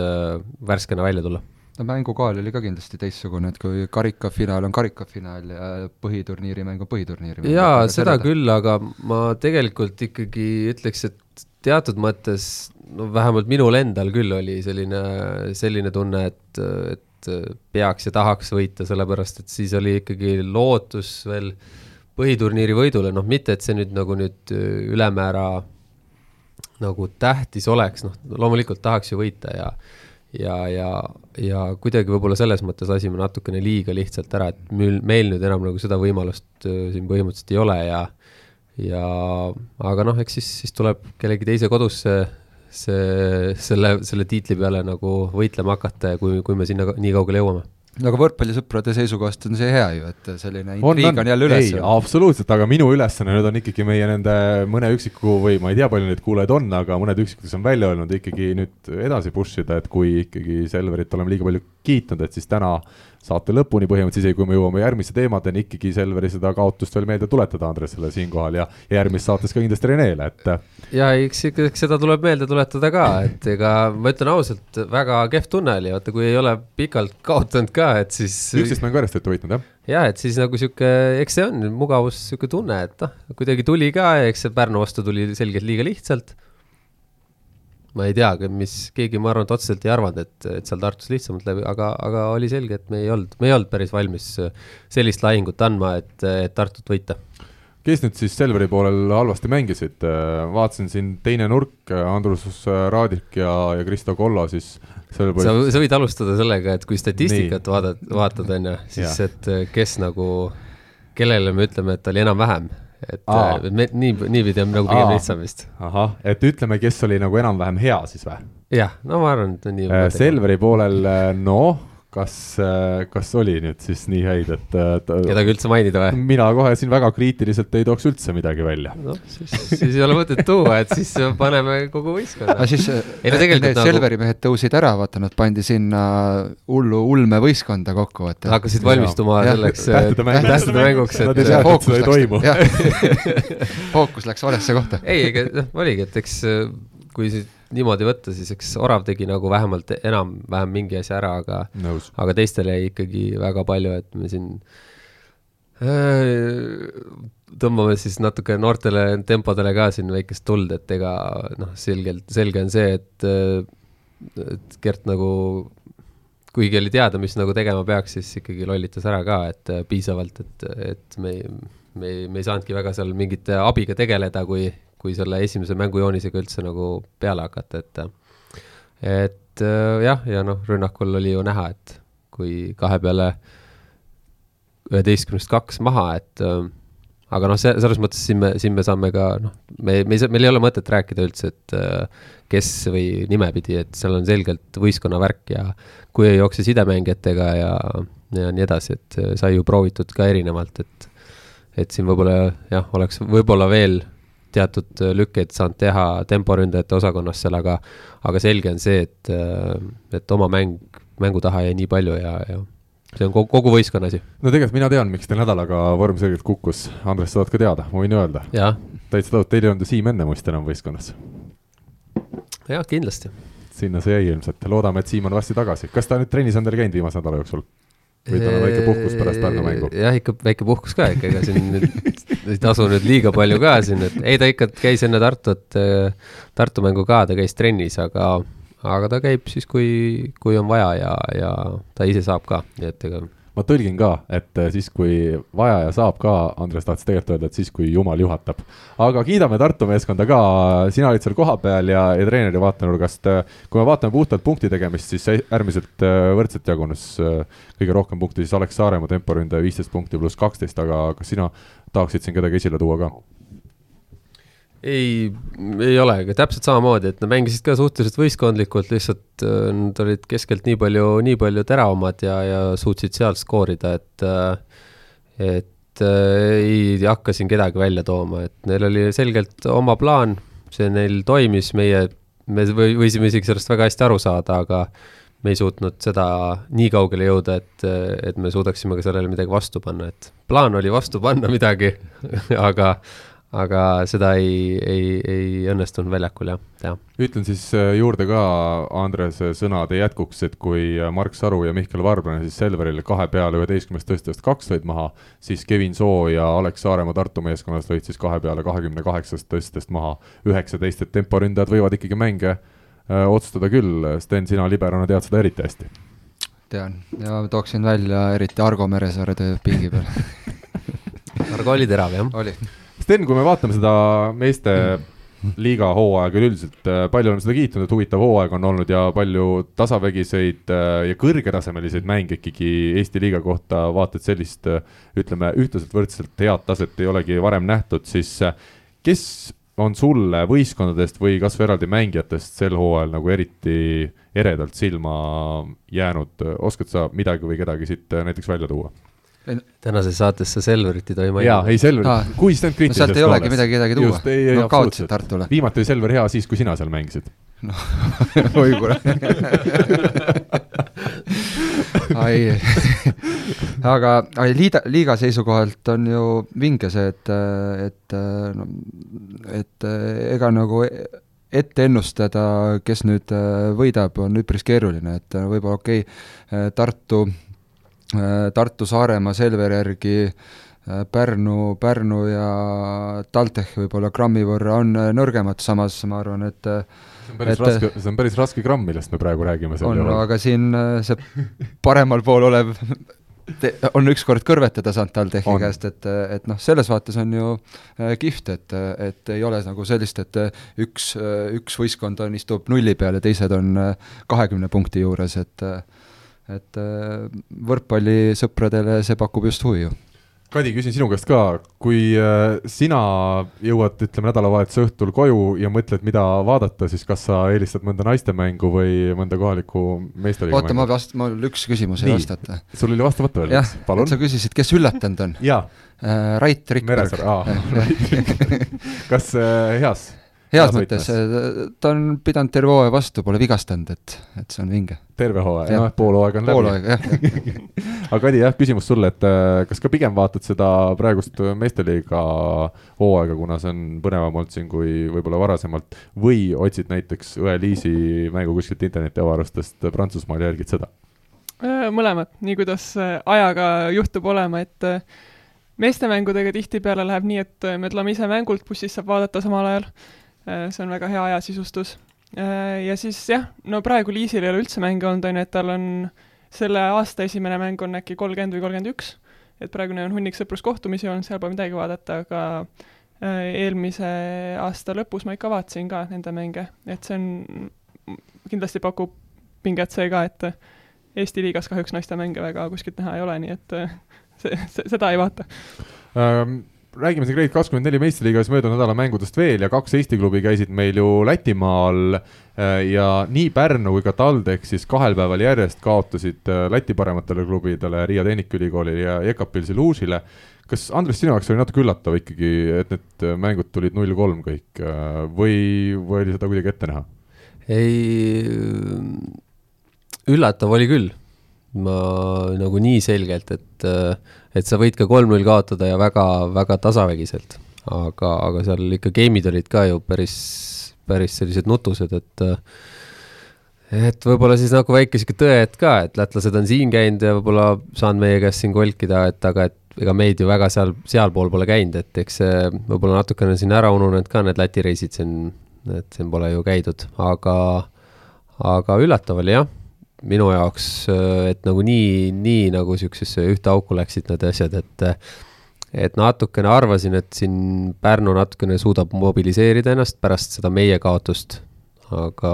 aga seda kindlasti ei olnud ja, ja võib-olla TalTechi käest, noh, mõtlesin, mõtlesin ka, et võib-olla suudavad väheke üllatada, aga, aga ei, ei tulnud, et et niisugune suhteliselt nutune, nutune nädalavahetus jah, Eesti võrkpalli jaoks nii-öelda kas need äh, lätlased on kogu aeg saanud trenni teha niimoodi? Äh, jaa, nendel oli, et, et siin kaksteist klubi siin, me täpselt ei saagi aru, kas nad tohtisid või ei tohtinud lõpuks vist teha. ikkagi tohtisid, siis mina sain aru. et ei, seda ei oskagi jah nüüd öelda, et siin on niisugune arutelu koht vist, et kas nad, no vahet ei ole, kas nad tohtisid või ei tohtinud, igatahes nad trenni nad ei ole teinud, et äh, aga, aga kuna, kuna Riia ja Jekapils on ikkagi profivõistkonnad, siis äh, ja, ja nendel on ikkagi pidevalt kaks korda päevas trennid ja, ja, ja siin kuulda on, et korralikud eelarved ka tegelikult isegi täitsa võrreldavad meie omadega siin, siis, siis, siis nemad on korralikult teinud ja, ja, ja on näha, et nad on teinud järelikult. aga kas Lätis naised tohivad trenni teha või? ainult üks võistkond, Riia Okei, on ainus, kes okei. teeb. et siin võib-olla küsikski üle, et võib-olla siin on, võib-olla oleks tohtinud need naised ka rohkem trenni teha, et kui ainult üks, et ei, täpselt ei, ei, ei saanud mina ka aru, mis, Mille mis alusel seal, mille alusel või ma mismoodi sain neid aru, et oligi profi versus, nagu meil Eestis oli meistriliiga ka mm. -hmm. kriteerium, et võib edasi teha, aga Lätis, nii palju kui ma aru sain, oligi see, et profivõistkond, aga just. nagu me teame, siis naistes ei ole profivõistkond siis. okay.. Äh, kui Tallinna Tehnikaülikool kaotas selle esimese mängu Riiale null kolm ja noh, see oli ikka kokkuvõttes, ma ütleksin, suhteliselt oodatav tulemus. teises mängus siis juhiti esimest game'i Ekapilsi vastu seitse-kaks, kui läks Valentin Kordasel nende rünnakuliidril äh, hüppeliigas äh,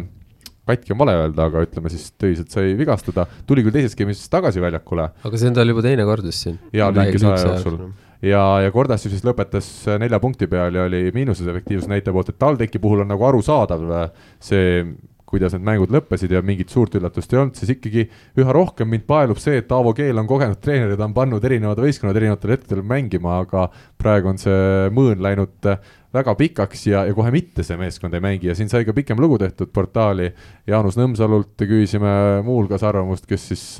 on, on seal Pärnu võrkpalliklubi juhtkonnal, isegi tema ütleb, et ta ikkagi selle koosseisu, kus on Läti koondise põhimehed, kus sul on Eestis nagu endale nime teinud mehed, ootaks oluliselt paremaid tulemusi. jah, et siin see aasta kindlasti, aga minu meelest, ega ma ei, hakkan mõtlema eelmise aasta kohta ei ka, et ega parem, ei olnud, et et jaa, et siin see jutt, et meil on mingi eelarveline mingi et ega ma arvan, et kui seal oleks mõni mees rohkem, et ma ei tea, et ikkagi tõenäosus on see, et needsamad mehed mängiksid, kes praegu platsi peal on, et äh, nii palju siis peaks raha olema rohkem, et siis, siis peaks sealt hakkama ku-, põhihuvikust sealt kedagi vahetama, et äh, et ma arvan ka, et siin see jutt ainult raha ümber, see ei ole nagu nüüd päris niisugune, et seal on, seal on midagi muud, mis peab selle võistkonna mängima panema, et et äh, jah, kahjuks seda nagu ütleme, Läti meestest suudab üks teha, mis, mis on nagu temalt oodatud, on ju, teised äh, ei ole päris ikkagi seda olnud ja, ja no ja, ja noh, täpselt ongi see, et võistkonna ülesehitamine Taavet Lepiku ümber, kui sa tead aastast aastasse, et, et on probleeme vigastusega, siis, siis noh, see tekitab ka niisuguse väikse küsimärgi. Äh, jah, ja kui me rääkisime siin võrdlust eelmise hooaega, siis ma olen nõus, et äh, eelmisel hooajal ei olnud võib-olla põhjendatud see tulemuste ootamine, äh, kuna ütleme ausalt, minu jaoks need brasiillased jäid lõpuni küsimärgiks. Kokk, kes on küll kõrgel tasemel Brasiilias mänginud, oli. ei no aga tempos... siis me jõuamegi täpselt jälle selleni, et, et kui see eelarve oleks nüüd viiskümmend tuhat eurot olnud rohkem või mida iganes ja sa oleksid toonud, ma ei tea, need kolm needsamad, sa saadki selle raha eest võib-olla siis need, needsamad brasiillased ja, ja veel ühe võib-olla kellegi veel, on ju. Mhm. aga et kas see reaalselt siis seda muudaks, seda, kogu seda nende mängupilti, et se- selles suhtes ma kahtlema, et, et just selle raha taha nüüd nagu midagi peita, et sul on tegelikult ju Läti koondise mängijad olemas, on ju, Eestist, noh, Marti on ju, tema suudab alati selle nii, selle tasemeni asjad ära mängida. nüüd on nagu küsimus selle Taaveti koha pealt, on ju aga, aga noh, ma ei, ma ei oska ka rohkem nagu öelda, et mina selle taha kindlasti ei, ei poeks, et seal peaks nagu võistkond ise kuidagi selle asja leidma koos treeneriga, et, et see asi mängima saada ma lihtsalt tuletan ka kuulajatele meelde, et kui eelmine aasta oligi nurgas, ütleme teine nurk oli siis äh, Duarte nimeline mees Brasiiliast, sel aastal Atvar Sozolins tagasi Pärnus ja julgen ikkagi öelda, et selgelt kvaliteetsem mängija. tempos Tom Schwanz tagasi Pärnu võistkonnas aastase vahe järel, nii nagu Ozolinski ja taas selgelt kõvem mängumees, kui oli siis Kokk eelmisel hooajal ja Kristaps Plataks ikkagi ka aastaga on läinud ja, ja saanud oluliselt küpsemaks mängumeheks, et et justkui peaks see Pärnu parem olema, samas ma olen nõus sellega, et ka teised Eesti klubid ja ilmselt võtame ka Riia näiteks, on läinud oluliselt paremaks, et ega neil kerge ei ole selle vankri peal püsida olnud, aga ikkagi ootaks, nii nagu ütles Nõmsalu, et nad vähemalt näitaksid, et nad võitlevad nendes mängus, mitte ei kaota kümne punktiga. jah, et täpselt ongi see, et, et ma arvan, et kui see raha on suurem, siis see, neid äh, mingitel meestel kohe siis nagu paremini neid, kes praegultki on, et äh, neid siis nagu rõõmsamaks kohe ei teeks ja et, et praegu on nagunii selline aeg, kus iga, iga mees peab aru saama, et ongi võib-olla natuke väiksem raha, aga selle nimel võidelda, et tulevikus oleks võib-olla rohkem, on aga, aga jah, meie mäng ja noh, nüüd see nädalavahetus ka seal Lätis kuidagi no võib-olla loodame, et said kõ- kõva nüüd kolaka ja kuidagi suudavad mobiliseerida ennast, aga aga see on kindlasti päris keeruline. mina, no mina sain nagu sellest aru, et, et noh, ma arvan, et selline konstruktiivne kriitika on iseenesest ju hea ja kui sa spordimehena seda välja ei kannata, noh siis siis see võib-olla ei ole õige, õige ala sinu jaoks, et see on igal pool niimoodi, et et äh, aga, aga noh, teine, teine pool on nagu ka see, et äh, okei okay,, neil on ühed põhimehed, noh teine pool on küsimus on, kes need nagu kuus või seitse meest seal kõrval on, et kellega sa igapäevaselt ka trenni teed, et, et äh, minu jaoks pigem oli see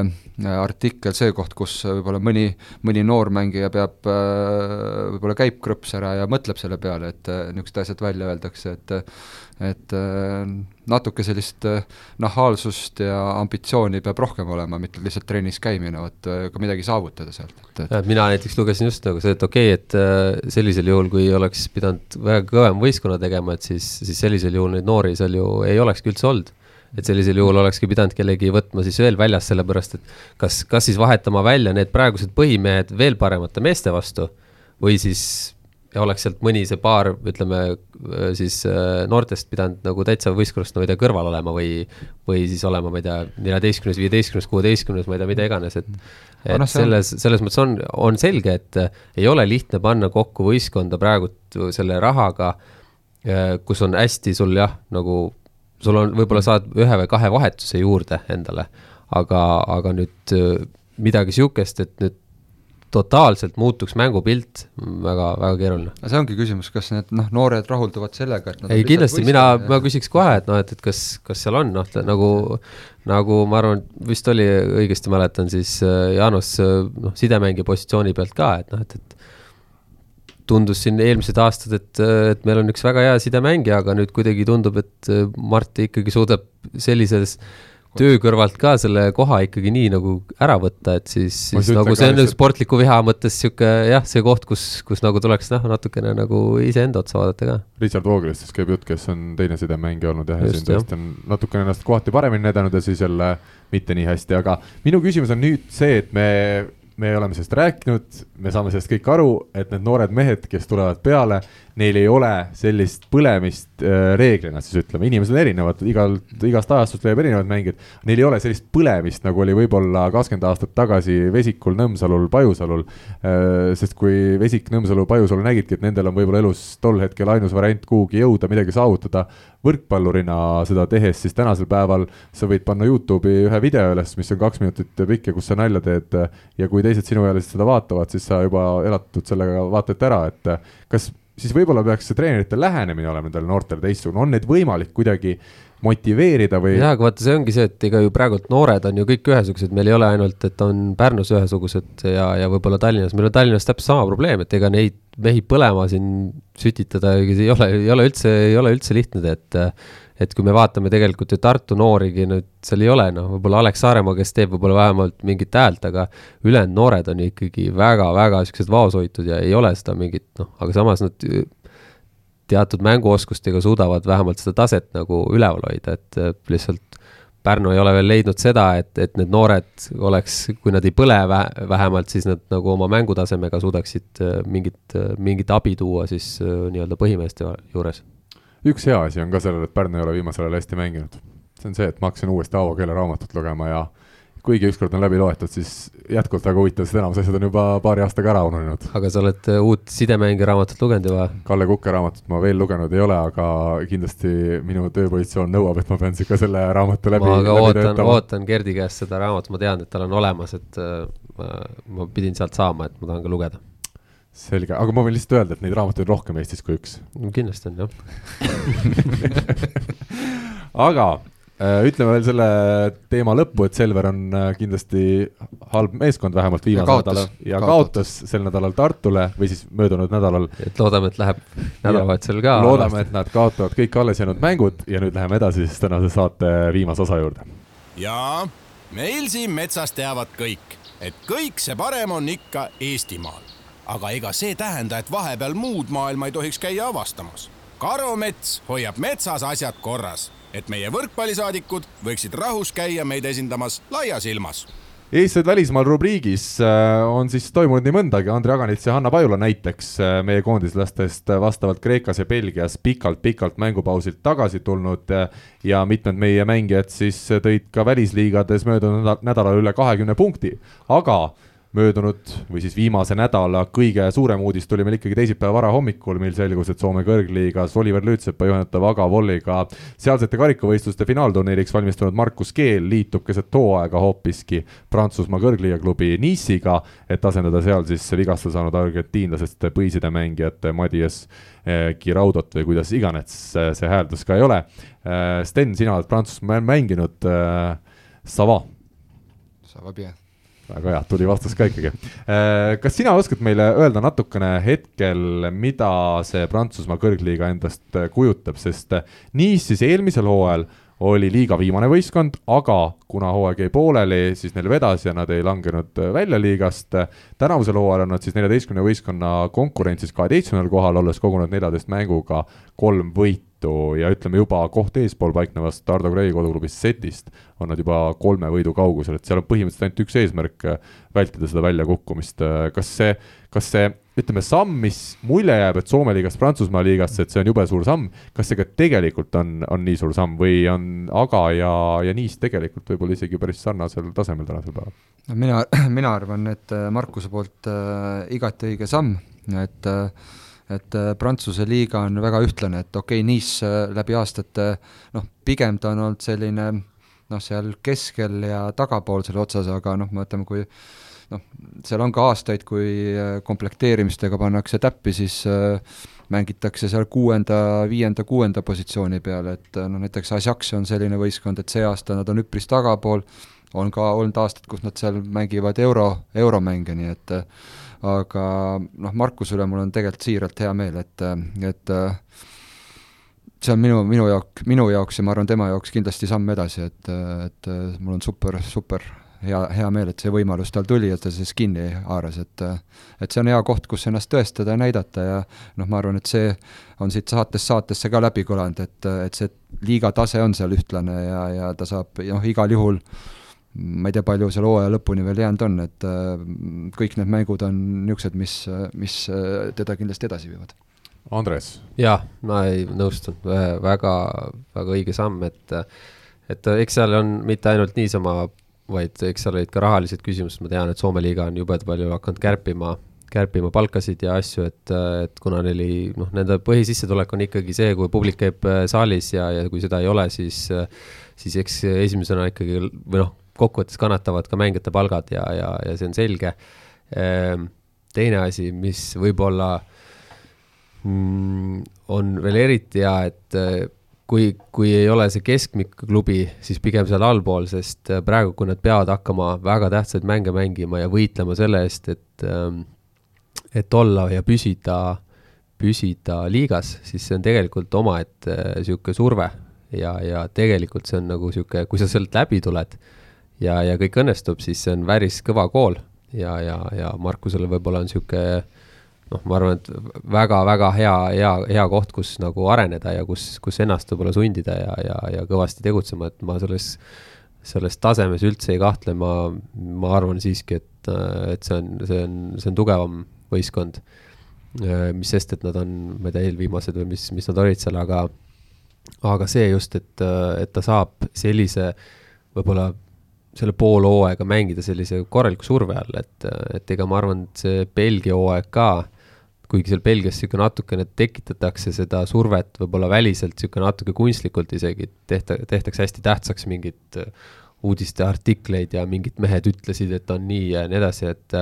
et äh, Prantsusmaal on see veel suurem, et seal, seal hästi-hästi palju hakatakse mingitest pisikestest kriitikanooltest äh, võetakse neid jube tõsiselt ja siis hakkab see ringlema, see jutt ja selja taga sihuke, et äh, ega see lihtne ei ole, aga, aga, aga see on nagu kõva kool, et, et ma arvan, ja noh, teades seal treenerit ka, siis äh, äh, on äh, ikkagi Balkani, Balkani kooliga mees. ja, ja eks äh, ma arvan, et ta saab sealt äh, siukse loodetavasti positiivse ja edasiviiva siukse tõuke. eile ehk teisipäeval siis äh, keel sinna Prantsusmaale lendas, tõeline rahvaste paabel, kümme erineva riigi mängijat äh, Nice'i koosseisu praegusel hetkel peaks kuuluma. Üks mees on lausa toodud äh, kohale sellisest riigist nagu Seychellidelt, nii et noh, sealt ikkagi ma ei tea, kas see Nice nagu asukohana on tõmmanud neid mehi või siis lihtsalt ongi. mis keelt Seychellidel räägitakse? ma ei teagi, tegelikult äkki on prantsuse keel, et äh, sealt on ju tegelikult äh, liigas on päris palju mängijaid, et isegi Pajusalu mängis äh,, Ah Kong oli minu arust Seychellidelt pärit, vist oli selline mängumees, et et äh, neid Prantsuse liigasse ikka jõuab, jah. jah, et Gertgi minu meelest oli pärast seal kuskil kas Poolas oli koos, aga ka Prantsuse nii-öelda passiga, aga, aga Samuel Tuia, kes on tegelikult ka kuskilt väga-väga äh, kaugelt kuskilt. mänginud temaga ühes võistkonnas. no vot, et. No näed. Nee ja mida siis ma ütlen, meeskond on praegu komplekteeritud ametlikult vähemalt nelja sidemängijaga, lisaks siis selle vigastatud äh, Argentiina mehele ja keelele on seal kaks prantslast, aga väga loodame, et, et Markus on siin ikkagi võetud äh, põhisidemängijaks, et ta saakski endale seal Prantsuse liigas nime teha. No.. jah, et ega, ega see on koha eest võitlemine, et ega seal on ka need teised sided vahepeal kohalikud näiteks. Mm on tegelikult päris hea klassiga ja, ja tegelikult nad ootavad ka seda võimalust kogu aeg, et, et kui tulebki natukene äh, võib-olla mitte nii, nii, nii hea, kes võtab selle koha ära, siis, siis nad on valmis tegelikult äh, väga kõvasti võitlema selle koha eest ja, ja tegelikult äh, võivad su elu seal päris keeruliseks teha, nii et äh, et see on, see on ei no see vastab, vastab tõele selles mõttes, et noh, ma arvan, et ta võttis nagu see Joker medicaalina sinna, et, et et noh, ma arvan, et ega teda lihtsalt siniste silmade eest ei võetud, et temalt oodatakse abi ja, ja, ja noh, ta peab nüüd näitama, et see valik on õigustatud ja noh, kui sa ikkagi langed nende äh, Prantsuse sidememängijate tasemele, siis äh, eks see vaimne, vaimne terror hakkab pihta, et äh, nii, nii see on, et ja saab siis näha, kas äh, selline üleminek viib äkki Markus Keelega suviseks koondise perioodiks lõpuks Eesti koondise esinumbriks. igatahes huvitavad ajad on mees ees ootamas ja Niistil siis peagi ka Markus Keelega esimesed mängud äh, ees ootamas loodame nüüd ka seda, et Oliver Lüütsepp ikkagi agameeskonnas äh, saab seal nelja meeskonna karikavõistlustes siis finaalturniiril hästi esinetud, muidugi poolfinaalis kohe legendaarne Saastamaale Valepaa on vastu tulemas, et ega seal kerge niikuinii ei saa olema ja kui sul veel põhisidemängija läheb vahetult enne ära, siis ma kujutan ette, et ega see oli Oliverile ka ilmselt päris suur hoop. viskab ise, ise. jah, võib-olla küll, ega ma tean jah, ma seda tausta tean ja ega Oliveri lihtne ei ole, et et Markus läks, aga ega ju ega seda raha nüüd eh, lihtsalt üle ei jää, et kedagi tema asemel ka, et, et ma tean, et nad on päris, päris suure probleemi eest, et, et, et uut leida. üks küsimus, mille ma pean siin ära küsima. Sten, me oleme siin saates, me vaata, et iga saade me ikkagi puudutame seda, kuidas sina ikkagi tegid Šeina Grebennikovist maailma parima libero, kui sa temaga koos Prantsusmaal mängisid võtame selle teema korraks ette, kuidas see siis välja nägi, mida imelist sa Geniale seal Prantsuse oldud aegadel siis näitasid, et temast täna nii hea mängija on tulnud? oli see vene keel, mida, mis teid ühendas või olid ikkagi tegevused seal väljakul? Kusjuures Ženja väga, väga hästi vene keelt, ütleme, et ei rääkinud, kuna nad noh, tal oli vanem vend, see rääkis, rääkis hästi, aga kuidagi siis noh, ma ei tea, kas siis koduselt elult Ženja noh, no ütleme, et ta sai, ta sai aru, aga kindlasti ta ei tundnud ennast mugavalt selles rääkida, vene keelt rääkides. aga noh, mis see saladus oli, et noh, eeskätt noh, kui mina läksin, mina olin too hetk kakskümmend kolm, Senja oli viisteist või neliteist, ta käis meiega lihtsalt trennis kaasas ja nii oligi, et oli ta imemees siis või? tundus juba või ei olnud midagi aru saada? noh, ega ta, ega ta noh, näha oli, et andekas oli, et ega noh, viisteist aastat vana, et ega sa nii kõige noorem enam pole, et noh, loomulikult alguses noh, füüsilised võimed tal ju nii head ei olnud, kui ikkagi profi, profimeestel, aga aga noh, see, et sa ikkagi päevast päeva oled Sten no, Esna kõrval. Sten Esna kõrval ja ulud huntidega, eks see niimoodi ongi, et ja eks see noh, ma arvan, et need mudelid, mudelid, kus neid noori võetakse kõrvale ja kui nad sealt sellest tulest ja veest läbi tulevad ja noh, hakkama saavad, siis siis nii ongi. aga kas siis reaalselt sa õpetasid teda ka libero positsioonil mängima või see on puhas selline Rivo külajutt, et et sa seal midagi väga erilist tegid? kuidas see välja nägi? ma ei, ma ei oska öelda, kas ma õpetasin, aga no ühel pool võrku oli tema libero, teisel pool olin mina ja, ja eks ta noh, eks sa ikka vaatad oma positsiooni mängijat, kuidas keegi midagi teeb ja noh, ma ei, ma ei julge öelda, et nüüd äh, tänu minule, et aga samas ma tahan uskuda ja loota, et eks ta mingeid asju sellel perioodil ikkagi minult, äh, minult äh, omandas. kui vanalt ta siis lõpuks põhimängijaks sai seal Prantsusmaal teie võistkonnas ja, ja kas kaheksateist. ja sina olid siis veel võistkonnas? siis ma olin kakskümmend kuus või seitse. kas sa mäletad ka seda hetke, kui peatreener hakkas teda eelistama? Ikka, siis meil oli, kordamööda mängisime seal mingi hetk, et äh, siis ma sain isegi nurgaründajana mingid mängud mängitud. Prantsusmaa liigas, jah ja.? ilusad ajad no kui sa nii ütled, jah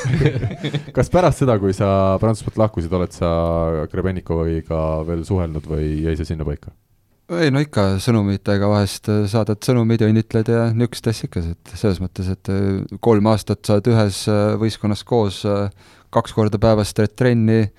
käid võistlustel, sõidad äh, lennukiga, rongiga, istud kõrvuti, et noh, selles mõttes, et aa, liberod istuvad ikkagi kõrvuti, kui sõidetakse kuskile, see käib nii? no et tiim istub koos. Ah,, et noh, me kõrvuti istume no, sinna, mis treener paneb, vaata, sina istud siia, te istute koos. Aga seda ma saan ütelda, kui me läksime autodega võistlusse, siis me olime ühes autos, nii et, et ähm, jah. kas, ma küsin veel kurjalt, kas liberod istuvad kõige väiksemas autos üldiselt? seal tagapingil, kus on niigi vähe ruumi. ja kõige suuremad segod on kõige suuremad Neil on, neil on lihtsalt teist värvi auto. ütlen kuulajatele siin vahele ära ka, et äh, Renni võistkond on siis see, kus äh, maailma tulevane parim libero, Prantsusmaa koondislane Grebeniko mängis koos äh, läbi aegade parima libero Sten Esnaga. aga meil on Prantsusmaa liigast veel põhjust rääkida, kuna meil on täna stuudios Kadi, siis ma küsin kohe, kohe huviga, sinu õde siis Liis on mängimas ju meil samuti Prantsusmaa kõrgliigas naistest, Valero Le Cannet naiskonnas, mida juhendab siis meie koondise peatreener Lorenzo Michelli, praegu tabelis kuuendal kohal, seitse võitu, viis kaotust, vaatasin vist eelmise aasta tulemusi, pigem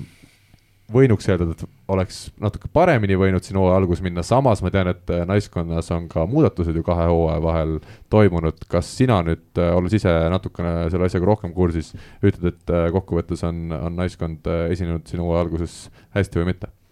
Mm,? algus oli kindlasti pigem üllatav, et äh, täiesti need paar esimest mängu äh, oleks ise oodanud ka ja arvanud, et läheb paremini, arvestades ka, kes võistkonnas on aga nüüd siin hooaja edenedes neil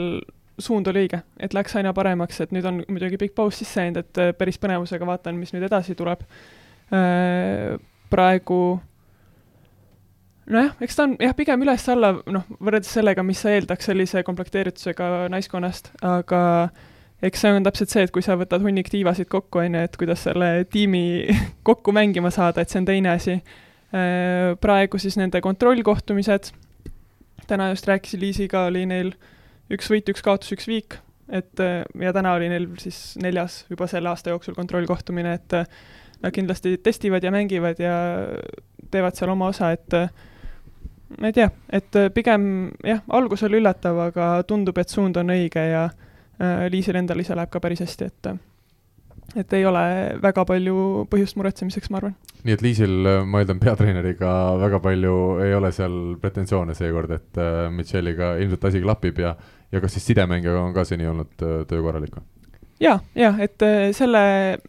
oma mängu koha pealt ma ei olegi nagu temalt mingeid pretensioone kuulnud ega midagi, et äh, kui siin vahepeal nagu läkski raskemaks, siis äh, võib-olla kuulsid selle kohta pigem, et äh, oligi niisugune tiimikeemia, mis äh, ei olnud võib-olla kõige parem või see koostöö, et äh, pigem sinna, et äh, Liisil tahtmise taha kindlasti midagi ei jää, tema tööeetika on nii kõva, et ma arvan ka, et Lorenzo on temaga väga rahul. et siin on pigem lihtsalt see, kuidas komplektina kokku saab mängima. ja, ja ei, Lorenzo koha pealt ja, et ta ise mainis kohe alguses ära, et algus ei saa lihtne olema, et kindlasti, kindlasti see võtab aega ja, ja ja ma tean, et äh, mis ta siin Rainerile ka mingi hetk ütles, et äh, et juba natukene läks, võib-olla läks natuke pikemaks see, see aeg, kui nad käima said, aga, aga, aga aga siin äkki see võis siis olla kuskil novembri lõpp, detsembri mm -hmm. algus, et seal ta juba ütles, et no nüüd, nüüd peaks juba nagu olema selles, selles faasis, kus, kus on nagu see, mis ta ootab ja loodab ja meie õnnitleme siin siis ka Timo Tammemaad, kes valiti Poola kõrgliigas kahe tippklubi Ržesovi ja Gdanski kohtumise parimaks, kolm-kaks Rezovi selle mängu võitis ja nüüd siis tabelis kuuendal kohal ja tundub üha rohkem nii, et Robert Tähe ja Timo Tammemaa koduklubi on tänavusel hooajal ikkagi Poola kõrgliigas, kus on uskumatult kõva tase kogu selle esikaheksa osas, mis siis play-off'i lõpuks pääsevad, on, on sinna tähtsamatele mängudele pääsemas aga meil on äh, lõpetuseks vaktsiiniuudiseid ka. Äh, sadakond siis äh, Eesti tippsportlast, kes olümpiale on kandideerimas ja nende abilised siis on nüüd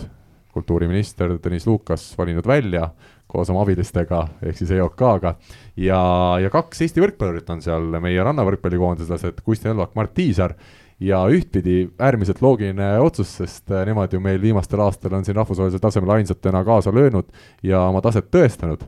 teisalt, kui me räägime olümpiast, siis ei saa Kusti ega Mart mitte kuidagi sinna olümpiale, kui ei ole seal kõrval ilmselt siis teist Eesti paari, kelleks osutub äh, Dmitri Rodkov äh,, Timo Lõhmus, sest nii imelik, nagu see süsteem võrkpallis jälle ei ole ka loodud, et olümpiakohta lunastada nendel paaridel, kes siis ajalukku minemise hetkeks ei ole maailma viieteist parema hulgas, tuleb koondisena see koht siis valikturniiride kaudu tagada. Eesti on teise ringi pääsenud oma kahe duoga, kui teisest ringist pääsetakse edasi veel kolmandasse, siis see võimalus tekib, aga nagu öeldud, Kusti ja Mart kahekesi ei tee seal midagi ära, et seal tuleks ikkagi Timo ja Tiima abi ka, et, et päris huvitav, ilmselt EOK nüüd päris täpselt ei ole jõudnud seal kõikidesse asjadesse süveneda, et kuidas sinna olümpiale siis ikkagi pääseda, kui isegi vaktsiin saab tehtud. ja kas mehed tahavad üldse teha või? see on järgmine küsimus, see ega, on järgmine küsimus. ja ega saatejooksul Pevkur pole kultuuriministriks saanud äh, jah, või võrkpalliministriks. siis võib-olla saavad neli meest juba kõik Eesti võrkpallurid saavad esmajärjekorras võib-olla selle süsti. aga, aga jah, samas ma saan ka riigist aru või selles suhtes, et seal ilmselt oli väga piiratud valik, äh, mis nad siis välja valisid. et see on jälle see, see teema, et mis, millistel kriteeriumitel siis ja, ja, ja teatud selliseid äh, noh, võib-olla mitte arusaamatuid, aga selliseid asju siin, noh mitte nüüd kindlasti Kusti ja, ja Mardi, kes ju kes sellel teel on ja üritavad sinna saada ja, ja, ja ongi on see võimalus, siis, siis võib-olla seal listis võib tunduda küll mingeid siukseid X-nimesid, ma ei tea seda, aga endale võib tekkida, et. ja mõned X-nimed seal olid. seal, et keda nagu üldse ei teagi ja, ja aga, aga ongi, et osade alade juba kandepind on nii, noh, nii erinev ja, ja ja võibki täitsa tundmatuid inimesi olla, kes, kes tegelikult on võib-olla palju lähemal kui meie rannavõrkpallurid isegi sellele olümpiale ja lihtsalt lõpetuseks ka, et me ei, mitte naistest ei taha rääkimata jätta, siis ka naised on meil jõudnud ju rannavõrkpallis selles valikturniiril teise ringi ja samamoodi Liisa Soomets, Helene Hollas, Renate Pikk ja Judith Kure-Pohhomov, siis meie kaks tugevamat duot on aastaringselt nüüd trenni tegemas ja ka tahavad seal kas nad omavahel on nüüd mänginud ka huvitav, et ei ole, mis sügisel tegid veel trenni, aga, aga jah ühed on oleks huvitav teada, et mis, mis omavaheline seis juba on, et keda nüüd nimetada esi, esimeseks, teiseks, et. no kuni järgmise aasta Eesti meistrivõistlusteni, kui just teine paar peaks vahepeal olümpiale näiteks jõudma, siis tuleb ikkagi Soometsa Ollast, ma arvan. Äh, jah, tiitlid niimoodi küll, aga ma just mõtlen, et hetkeseisuga. see oleks huvitav, see oleks huvitav aga saate lõppu ütleme, et äh, nii nagu kuulajad ilmselt aru said, ei ole Rene ja Rivo tegelikult äh, saatest kuhugi kadunud, äh, vaid liituvad loodetavasti meiega taas uuel nädalal, mil eetrisse läheb Kuldse Game'i järgmine osa. aitäh tänasele triole saates osalemast aitäh, aitäh., ma, ma arvan, et sa rikkusid sellega nüüd paljudel inimestel lõpuks selle saate ära. jah, neil olid juba šampused avatud. jah, et need mehed on läinud võite šampuse korgid veel kinni panna, kui on midagi seal sees veel, mida, mida hoida ilutulestikku või siis raha põletada, me oleme ka sellest siin saadetes äh, rääkinud, äh, aga armsad kuulajad, äh, keda meil on täna ikkagi rõõm öelda regulaarselt juba kolme tuhande, nelja tuhande kuulaja vahel. võtke seda elu ikka menuga, saatke meile järgmiseks nädalaks küsimusi ja püsige võrkpallilainel, kuulmiseni! aitäh, tšau! tšau! nägemist! Eesti kõige põnevamad podcastid on Delfis, kuula tasku.delfi.ee Mikk-Mikk. ega edu pole jänes, mis seest ära jookseb, ärid on edukad Hammerheadi majades